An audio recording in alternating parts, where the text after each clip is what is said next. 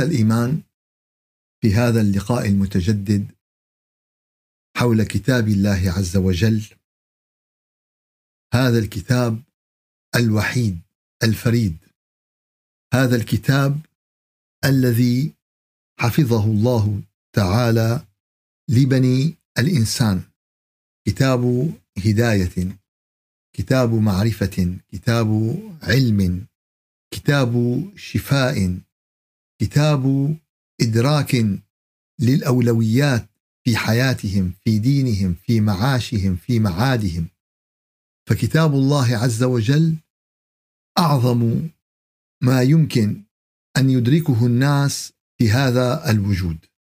ولكن للأسف هجره الناس وهجروا معانيه وهجروا آياته وهجروا العمل به فوصل العالم إلى ما وصل إليه اليوم من التقدم الظاهري والتخلف الحقيقي من التقدم المادي والتخلف والتقهقر والتراجع الإيماني. وصلنا في سورة النحل إلى قوله تعالى وأقسموا بالله جهد أيمانهم لا يبعث الله من يموت بلى وعدا عليه حقا ولكن أكثر الناس لا يعلمون. نعم.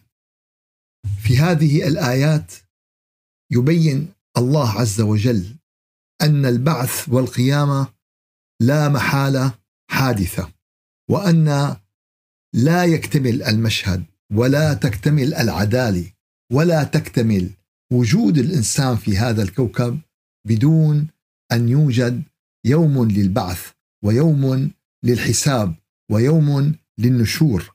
فلا معنى لأن يدرس الطلاب طول السنة في المدرسة ثم يقدموا الامتحانات وبالآخير نقول لهم ما في يوم نتيجة ما في نتائج. بس أنتم حتدرسوا حتقدموا امتحانات وما في نتائج. الحقيقة ما بعرف مين فيهم ممكن يدرس أو مين فيهم ممكن يجتهد أو يحضر أو يداوم إذا بالنتيجة ما في نتيجة. وأقسموا بالله جهد أيمانهم. لا يبعث الله من يموت. ولاحظوا كيف أن القرآن الكريم يبين لنا حال هؤلاء الناس. كيف مدى عناد مدى كفر يعني يعني عم بيقسم وجهد أيمانه على قضية باطلة على قضية هو ماله إيش على قضية هو ماله مأدركها على قضية هو ماله عرفانه فالحقيقة يعني هذا الأمر يبين كيف إنه في ناس بعيدين عن الإيمان بعيدين ومع ذلك يكابرون ومع ذلك يعاندون ومع ذلك آه، يقسمون. بلى وعدا عليه حقا ولكن أكثر الناس لا يعلمون. ليش أكثر الناس لا يعلمون؟ لأنه وضح ذلك في آه، سورة الزخرف. فذرهم يخوضوا ويلعبوا حتى يلاقوا يومهم الذي يوعدون. لأن ما لهم فاضيين لأن ملتيين لأن ما لهم مهتمين لأن سقطت الآخرة من سلم الأولويات. شو صار عنا؟ سقطت الآخرة اليوم من سلم الأولويات. اليوم المسلمين آه، مؤمنين بالآخرة. اليوم المسلمين ولكن تجي بتطلع وين يا ترى؟ الآخرة في سلم أولوياتهم. تجد أن الآخرة قد تراجعت في سلم الأولويات. قد تراجعت في اهتمامنا بالحياة الدنيوية. قد تراجعت في اهتماماتنا اليومية. فتجد كل شيء مقدم على أمر الآخرة. الشغل والعمل والمشاكل. كل شيء بحقيقة الواقع مقدم على الدار الآخرة. ويصف لنا القرآن في آيات بمنتهى الروعة. ولا يوجد كتاب. وأنا أعني ما أقول. لا يوجد كتاب تعرض للآخرة وتفاصيلها وما سيحدث بها و و و كالقرآن الكريم. شو؟ القرآن الكريم ما ترك قضيه بالآخرة. حال من أحوال الكفار حال من أحوال المؤمنين حال من أحوال الأرض والطبيعة والبيئة والكون وال... إلا وبين القرآن الكريم ما سيحدث. سيناريو اليوم الآخر إذا صح لنا نسميه سيناريو اليوم الآخر ما موجود في مكان ولا موجود في كتاب ولا كما هو موجود في القرآن الكريم. مثال على ذلك ما ورد في سورة الصافات الآية 51 والآية 53 قال قائل منهم أحد أهل الجنة عم يتحدث قال قائل منهم إني كان لي قرين. قرين ممكن آه، صديق صاحب إنسان مجايله زميله بالمدرسة زميله بالشغل أو القرين الجني اللي يقول أئنك لمن المصدقين؟ أنت مصدق؟ مصدق الحكي هذا؟ صدق في آخرة وفي عقاب؟ والله. أإذا متنا وكنا ترابا وعظاما أئنا لمدينون؟ اليوم يا ترى الناس مصدقين؟ البشر مصدقين؟ بل ادارك علمهم في الآخرة بل هم في شك منها. بل هم بل هم عنها عمون فاليوم الناس ما عاد حتى الذين يؤمنون قصر علم عن إيش؟ قصر علم عن الآخرة، عن حقيقة الآخرة، عن مواقف الآخرة، عن مشاهد الآخرة، ولو كان اليوم المسلمين عندهم إيمان حقيقي بالآخرة لاختلف مشهد الأرض اختلافا كاملا. اليوم إذا 2 آه، مليار مسلم أو مليار ونص أو العدد اللي آه، إذا عندهم إيمان حقيقي ما عم بحكي على الآخرين عم بحكي إيمان حقيقي بالآخرة لاختلفت أعمالهم. قال قائل منهم إني كان لي قرين. يقول أئنك لمن المصدقين؟ أإذا متنا وكنا ترابا وعظاما أئنا لمدينون؟ صدق أنت هالخرافات مصدق هالغيبي مصدق هالكلام لسه صرنا بالقرن ال 21 والقرن ولسه أنت قال شو كانت النتيجة؟ فاطلع دور عليه قال شوف وينه هذا؟ وينه اللي كان يناقشني وكان يجادلني ويجيب لي يوتيوبات ويقول لي ليك إيه، طلع ما في لا حواء طلعت امنا موجودة بجنوب أفريقيا طلع أبونا كل يوم بيجيبوا لك نظرية علمية وكل يوم بيجيبوا لك. فاطلع فرآه في سواء الجحيم. قال تالله إن كنت لتردين كنت أنت رح تروحني. ولولا نعمة ربي لكنت من المحضرين. أفما نحن بميتين إلا موتتنا الأولى وما نحن بمعذبين؟ شو عم تحكي أنت؟ شو عم بتقول؟ إن هذا لهو الفوز العظيم لمثل هذا فليعمل العامل. الفوز العظيم يا أحبابنا هو فوز الآخرة. مو الفوز بالمونديال مو الفوز بوظيفة مو الفوز بكذا مو الفوز العظيم هنيئا لمن سيكون في الآخرة من الفائزين. فهذا هو الفوز العظيم لمثل هذا فليعمل فليعمل العاملون وأقسموا بالله جهد أيمانهم. لا يبعث الله من يموت بلى وعدا عليه حقا ولكن أكثر الناس لا يعلمون. هذا اللي اللي أقسم بالله جهد إيمانه بالدنيا واللي ناقش واللي جادل واللي شو بيكون موقفه بالآخرة؟ بيكون موقفه بالآخرة يقول يا ليتني قدمت لحياتي. يا ليتني قدمت لحياتي. يود المجرم لو يفتدي من عذاب يومئذ ببنيه. مين بولاده وصاحبته وأخيه. وفصيلته التي تؤويه ومن في الأرض جميعا ثم ينجيه كلا إنها لظى نزاعة للشوى. القضية يا أحبابنا المشكلة أن هؤلاء الذين ينكرون الآخرة هؤلاء الذين يعني يعني اللي بينكر إنه النار محرقة. النار اللي عم تغلي النار يعني إذا إنكاره هل يمنع إنه تحترق إيده؟ يلي بينكر إنه الكهرباء بتكهرب وحط إيده بالفيش يعني كونه بينكر ما حيتكهرب هذا تفكير طفولي. تيجي واحد بيقول لك له أخي أنت شو رأيك؟ بيقول لك أخي أنا كل الأديان أنا ما يعني إذا أنت ما آمنت أو أنت رفضت معناتها خلاص هذا الموضوع انقضى. هذا الموضوع مر هيك خلص كونك أنت مالك مآمن فيه أو أنت للأسف اليوم أصبح التفكير البشري سطحي. أصبح التفكير ساذج. أصبح التفكير في كثير من الأحيان غبي وأصبح التفكير شيطاني في معظم الأمور. اليوم في تفكير شيطاني عم بشيطن الأمور وعم بشيطن الأحداث وعم بشيطن الأوضاع. تجي بتطلع على قضية من القضايا مين له مصلحة فيها؟ ما حدا له مصلحة فيها إلا إبليس. إلا إبليس له مصلحة له مصلحة فيها. فالآخرة يا أحبابنا مواقف ومشاهد وأحداث جعلنا الله من الذين ينجون في الآخرة. اللهم إنا نسألك رضاك والجنة. اللهم أجرنا من النار. كل يوم كل يوم على الأقل بدك تقولها سبع مرات بثمان مرات. أن تستعيذ من إيش؟ من العذاب الآخرة. أن تستعيذ وأن تسأل الله عز وجل رضاه والجنة. وأقسموا بالله جهد أيمانهم. لا يبعث الله من يموت بلى وعدا عليه حقا ولكن أكثر الناس لا يعلمون ليبين لهم الذي يختلفون فيه وليعلم الذين كفروا أنهم كانوا كاذبين. قال اليوم في أسباب للبعث في أسباب للبعث في موجبات ليش؟ أول قضية اليوم بالأرض في خلافات بين أهل الأرض بين سكان الأرض في خلافات بين الآن والقدامى في خلافات بين الناس بمذاهبهم بدياناتهم بافكارهم بنقاشاتهم في خلافات بين الزوج والزوجة والعائلة. خلافات اليوم لا تنتهي. لعل أكبر ملف للبشرية اليوم هو ملف الاختلاف. شو؟ لعل أكبر ملف قال ليبين لهم الذي يختلفون فيه. حضارات قامت حضارات انتهت مبنية على الكذب مبنية على الدجل مبنية على الغصب مبنية على القوة مبنية على الظلم.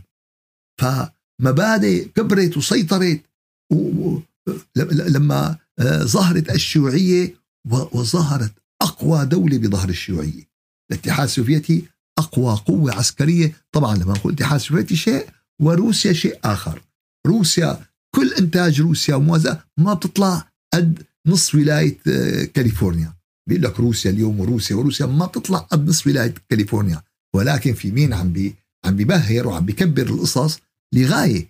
فاليوم كان الاتحاد السوفيتي أقوى قوة ودعم الفكر الشيوعي ودعم الفكر الإلحادي ودع بعد ذلك اضمحل وبعد ذلك انهار وبعد ذلك انتهى بمفاجأة صاعقة صعقت الذين اعتنقوا هذه المذاهب بالحياة والذين كانوا يظنون أنه سيصل العالم إلى مرحلة المشاع. إلى مرحلة شو المشاع؟ أعطينا مصاريك أعطينا أراضيك واعطينا مصانعك ونحن مكفلين بكل شيء. إيش شو صار بعدين؟ أخذنا المصانع أممنا المصانع وأممنا الأراضي الزراعية وأخذنا كله. بعدين قلنا لك والله يا أخي ما عم توفي معنا تعال أنتم اسالوا عن حالكم. هيك هلا هي نهاية الاشتراكية بالأخير وهي نهاية الشيوعيه وهي نهاية فللأسف الشديد كثير اليوم من الشعارات كثير من الطروحات كثير من الخلافات. الخلافات شو؟ ليبين لهم الذي يختلفون فيه. فكل ما يعتنق إنسان فكرة أو مبدأ يسعى طول حياته لنشر هذا المبدأ. ويعمل من أجله فيكتشف يوم القيامة أن هذا المبدأ هو مبدأ خاطئ أن هذا المبدا هو مبدأ كاذب بني على البطلان. فهي غلطة خطيرة يا أحبابنا. أنا ماشي أنا متبع ناس معينين. بعدين تبينت أنه والله بالآخرة أنه والله هذا الاتباع كان غلط. هذا الاتباع كان إيش؟ كان غلط. فلذلك يا أحبابنا يعني آه، الوصية لابن عمر قال له يا ابن عمر دينك دينك. إنه لحمك ودمك. خذ عن الذين استقاموا ولا تأخذ عن الذين مالوا. فالدين يا أحبابنا الدين من أهم الق... عن مين أنت عم تأخذ دينك؟ اليوم صفيان الشيخ هو اليوتيوب واليوم صفيان الشيخ جوجل. واللي بيعرف بيعرف مين اللي ماسك هال هال هالمنصات هي ومين اللي عم ينشر هالمنصات ومين اللي عم يدعم هالمنصات. اليوم للأسف الناس أصبح تعاملها مع الدين. دغري بيفتح لك على جوجل صار هو شيخ الإسلام. يا أخي أنت عرفان مين اللي حاطط هالكلام؟ عرفان مين؟ وخاصة مع ضحالة العلم. إذا الإنسان معلوماته ضحلة شو ما أخذ بيصدق. بيقول لك إيه في هيك كذا في هيك كذا. قال له يا ابن عمر دينك دينك إنه لحمك ودمك. الدين يا أحبابنا والله أغلى من اللحم والدم. فبدك تعرف عن مين تاخذ بدك تعرف وأعظم شيء يا أحبابنا من كان علمه بكتاب الله عز وجل. أعظم شيء من أتاك بالبرهان من القرآن الكريم. ما بقول لك قال فلان وقال علتان وفلان هيك رأيه وفلان هيك قالت وهذا بده وهذا ما بده. اليوم يا أحبابنا القرآن الكريم هو القول الفصل. وما هو بالهزل؟ شو هو؟ هو القول الفصل. يفصل بين الحق والباطل. يفصل بين الخلافات. وما اختلف الذين اختلفوا إلا من بعد ما أداروا ظهورهم ظهورهم لكتاب الله عز وجل. صار صار يطوعوا القرآن للمبدأ تبعهم. صار يطوعوا القرآن للمذهب تبعهم. لك يا عمي لما نزل القرآن كله هذا صاحبك ما كان موجود وكله ما كان شو اسمه وكله آه، يعني يعني اليوم في أمور يا أحبابنا للأسف الشديد دلست على الناس وفوتت الناس في مئة مشكلة. والسبب لذلك يا أحبابنا وكذلك جعلنا لكل نبي عدوا. شياطين الإنس والجن. يوحي بعضهم إلى بعض زخرف القول غرورا.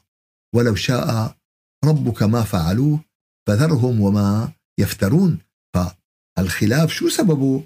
في شياطين يا أحبابنا عم تشتغل. في شياطين عم بتوسوس. في تطلع هيك لك فين جاب الفكرة هي. فين طلعت معه الفكرة هي. فين في شياطين عم بتوسوس. نعم في شياطين عم بتوسوس.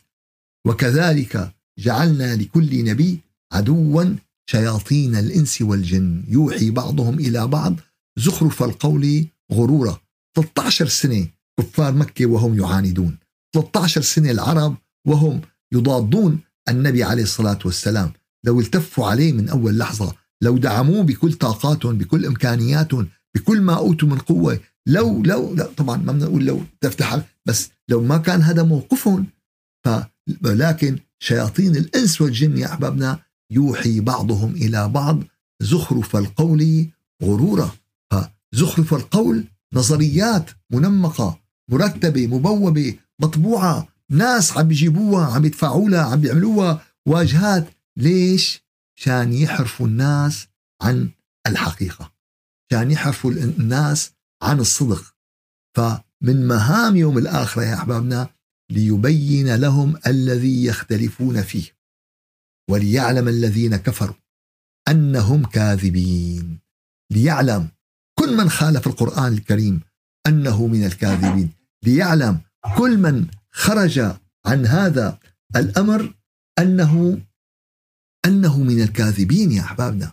فقضية الكذب قضية خطيرة وخطيرة جدا خاصه خاصه في قضايا العقائد خاصة في تبليغ الدين. اليوم عم تلاقي إنسان عم بيبلغ الدين وكذاب عم تلاقي في ناس يا لطيف عم تلاقي في هذا وك... ليش.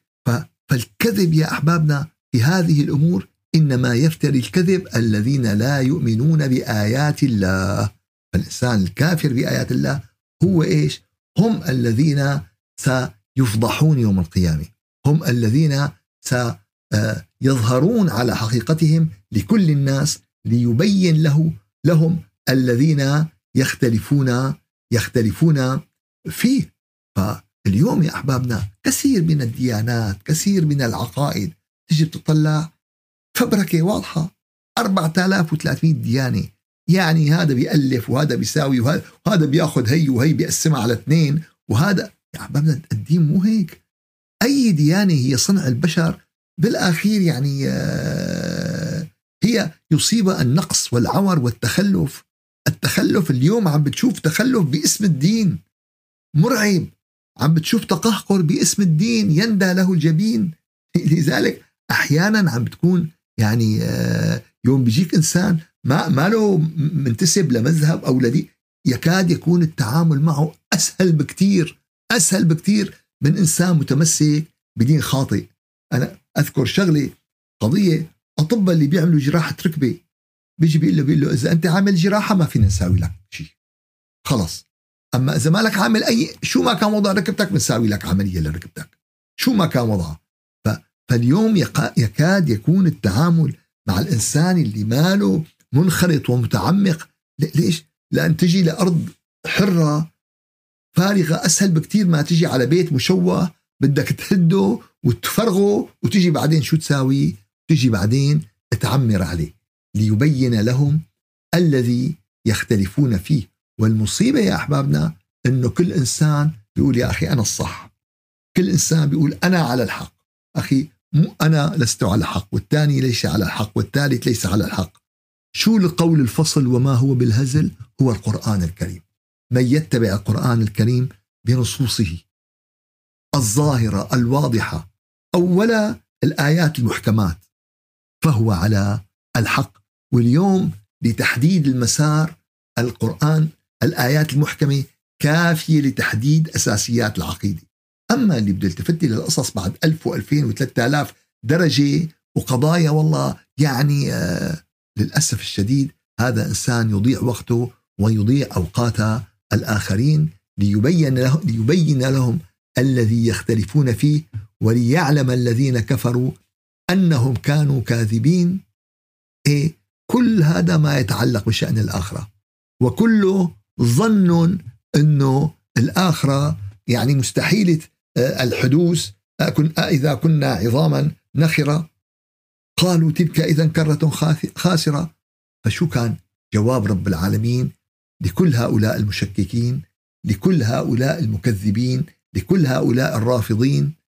حقيقة واقعة إنما قولنا لشيء إذا أردناه أن نقول له كن فيكون. الأمر كله بإرادة الله. الأمر كله بإرادة الله. وكيف تنفذ هذه الإرادة؟ وكيف؟ فهذا شيء يفوق إدراكنا ومعرفتنا. نحن إلى اليوم إلى اليوم ما اكتشفنا حالنا كبشر. اليوم كل ما تعمق الإنسان أكثر كل ما عم يزداد جهله أكثر كل ما عم يزداد ضعفه أكثر كل ما عم يزداد إفلاسه إفلاسه أكثر. فكيف؟ فكيف يا قال إنما قولنا لشيء إذا أردناه أن نقول له كن فيكون فكله بأمر الله كله بعلم الله كله بتيسير من الله. عز وجل. لذلك يا أحبابنا الإيمان باليوم الآخر والتصديق باليوم الآخر هو ركن من أركان الإيمان. شو؟ هو ركن من أركان الإيمان. واليوم الآخر الآخر هو اليوم الذي سيعلو فيه الحق وسيهوي به الباطل. وبقدر ما يكون هذا اليوم هو يوم بؤس ويوم خوف ويوم حسرة ويوم ندامة بقدر ما هو يوم عز ويوم فخر ويوم انتصار ويوم روعة ويوم الطالب اللي أولي اللي طالع أول. أحلى يوم له يوم إعلان النتائج. والطالب الراسب أسوأ يوم له يوم إعلان النتائج. فهذا اليوم نعم ننتظر القيامة والله ننتظر القيامة بشوق والله وبشوق.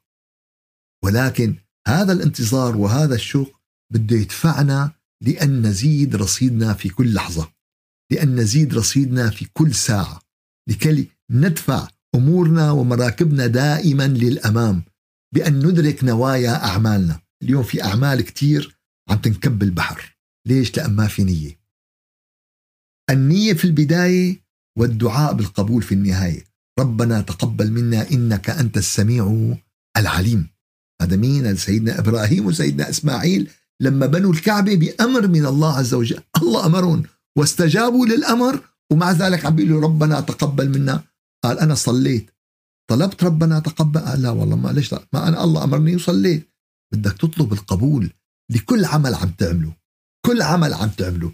فكل عمل يا أحبابنا يبدأ بالنية بأن هذا العمل لله وخالص لوجه الله وينتهي بطلب من الله القبول نرجو الله عز وجل أن تجد هذا العمل في صحيفة أعمالك يوم القيامة. رايح المدرسة رايح الشغل إيه يا رب اجعل ذهابي في سبيلك بدي حصل الرزق لي ولعيالي بدي كذا. لما رجعت قال ربنا تقبل منا شو كنت بالحج أنت؟ كله عمل صالح يا أحبابنا كله عمل صالح. ولكن إذا أدركنا النية ولكن إذا سيطرت علينا الغفلة فكيف فعم بتروح الأعمال عم بيروح الجهد عم بيروح التعب عم بيروح الوقت عم بيروح المال عم بتروح الأمور كلياتها. ليش؟ لأن الغفلة يا أحبابنا هي المسيطرة على حال الإنسان. وإذا سيطرت الغفلة على حال الإنسان فعندها ستكون المشكلة كبيرة وكبيرة جدا. وأقسموا بالله جهد إيمانهم لا يبعث الله من يموت بلى وعدا عليه حقا. ولكن أكثر الناس لا يعلمون ليبين لهم الذي يختلفون فيه وليعلم الذين كفروا أنهم كانوا كاذبين. فالحقيقة إنما قولنا لشيء إذا أردناه أن نقول له كن فيكون. ثم بعد ذلك تنتقل الآيات إلى موضوع آخر إلى موضوع يعتمد على البناء في سورة النحل. ذكرنا أن سورة النحل هي سورة القواعد الذي يحمل السقف. فإن كانت هذه القواعد الصحيحة كان السقف مستقرا. وإذا كانت هذه القواعد ضعيفة فإن السقف سينهار. إيمانك إذا القواعد اللي حاملة إيمانك ضعيفة سينهار هذا الإيمان. معرفتك علمك دعوتك أخر أي قضية من القضايا إذا مو محمولة على أسس عالية وأسس قوية ستنهار هذه آه الأسقف ولن يكون لها نتيجة فعالة ونتيجة مفيدة في الآخرة. انتقال إلى مرحلة جديدة. مبدأ من مبادئ الحياة نافذة الله عز وجل جعلها للمظلومين جعلها للذين يعني يتعرضون للاضطهاد يتعر والذين هاجروا في الله من بعد ما ظلموا لنبوئنهم في الدنيا حسنة ولأجر الآخرة أكبر لو كانوا يعلمون. الآية 41 في سورة النحل. والذين هاجروا في, سب في الله من بعد ما ظلموا لنبوئنهم في الدنيا حسنة ولأجر الآخرة أكبر لو كانوا يعلمون. الذين صبروا وعلى ربهم يتوكلون. فهون الحقيقة أهم قضية في الهجرة. اليوم واحد بيقول لك ما تهاجر من هون لهون وهاجر من هون لهون وعمل. في شرط واحد للهجرة أن يجعلها هجرة صحيحة. بغض النظر عن الجغرافيا بغض النظر عن أن شو والذين هاجروا في الله هاجر في سبيل الله هاجر لنشر كلمة الله. قال والله هو بمكان يضيق عليه. ما في ينصح ما في قال فهجر ترك وهاجر. وما في اليوم يا أحبابنا الإنسان بعد زمن ما يكون استقر ببلاده وقعد واستقر رزقه والناس بتعرفه بيعرف الطرقات وبيعرف منهج ما في أصعب منه يحمل حاله ويهاجر. ما في أصعب منه يهاجر خاصة الأشخاص اللي بيهاجروا بعمر آه، متقدم. والنبي عليه الصلاة والسلام حينما هاجر كان متقدما آه، بالعمر. ما كان والله يعني يعني الهجرة على إنسان شاب بسيط لسه على المجتمع جديد عليه صعبة ولكن أما على إنسان عاش بالحياة فنادرا ما تنجح الهجرة في عمر إيش؟ في عمر متقدم. ولكن إذا كانت الهجرة في الله عز وجل فهذا أهم عامل وأهم أساس من نجاح هذه الهجرة. والذين هاجروا في الله. جعلنا الله عز وجل من الذين هاجروا في الله. والذين هاجروا لله. قال يا أخي أنا هاجرت لأخذ شهادة. قال معلش ما أخذت الشهادة؟ قال إيه؟ خلي هجرتك هلأ لله. خليها هلأ في سبيل الله. قالوا أنا هاجرت مشان بدي أتزوج. طيب ما هاجرتي وتزوجتي؟ منيح. خلي هلأ بقية حياتك في سبيل قال بجوز؟ طبعا بجوز. ليش؟ مين قال ما بجوز؟ مين قال؟ المهم وجود النية. قال بعد أنا ما تلبست بالعمل. بجوز قال بجوز. النبي عليه الصلاة والسلام في الحديث الشهير إنما الأعمال آه، بالنيات. فمن كانت هجرته إلى الله ورسوله فهجرته إلى الله ورسوله. ومن كانت هجرته إلى آه، تجارة نصيب أو امرأة ينكحها فهجرته إلى ما هاجر إلى ما هاجر إليه. ليش روالهم الحديث؟ ليصلحوا النية. إذا أنت جاي لمرأة أو أنت جاي لمصاري لا. صحح نيتك لله. قال أنا جيت. هلأ أنا بجوز صحح نيتي؟ نعم بجوز صحح نيتك.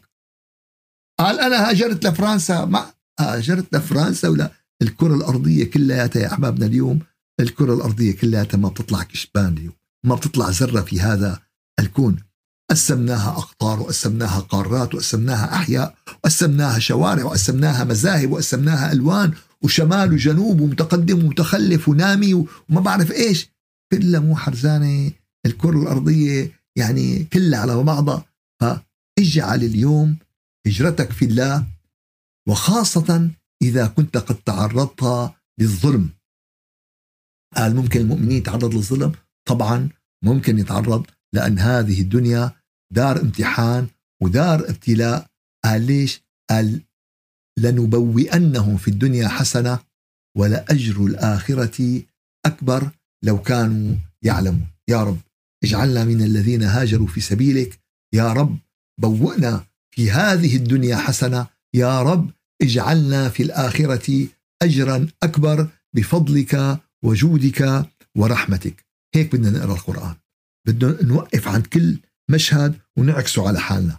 بدنا نوقف عن كل قضية نطلبها أو نتعوذ منها. نسأل الله عز وجل فضله منا أو آه، نسأل الله عز وجل أنه يصرفها عنا. سبحان ربك رب العزة عما يصفون وسلام على المرسلين والحمد لله رب العالمين. إلى شرف النبي وأرواح المؤمنين. الفاتحة. أعوذ بالله من الشيطان الرجيم. بسم الله الرحمن الرحيم. الحمد لله رب العالمين وأفضل الصلاة وأتم التسليم على سيدنا محمد وعلى آله وصحبه أجمعين. يا رب لك الحمد حق حمدك. سبحانك لا نحصي ثناء عليك. أنت كما أثنيت على نفسك. يا رب العالمين يا رجاء السائلين. يا غياث المستغيثين يا أمان الخائفين. يا أمل المتحيرين أغثنا أغثنا أغثنا توكلنا عليك يا رب العالمين. أغث قلوبنا أغث أرواحنا أغث عقولنا أغث هممنا أغثنا بغياث منك يا غياث المستغيثين. وفرج عن المظلومين في كل مكان بفضلك وجودك ورحمتك يا رب وتقبل هجرة المهاجرين الذين هاجروا فيك وفي سبيلك. سبحان ربك رب العزة عما يصفون. وسلام على المرسلين والحمد لله رب العالمين. إلى شرف النبي وأرواح المؤمنين الفاتحة.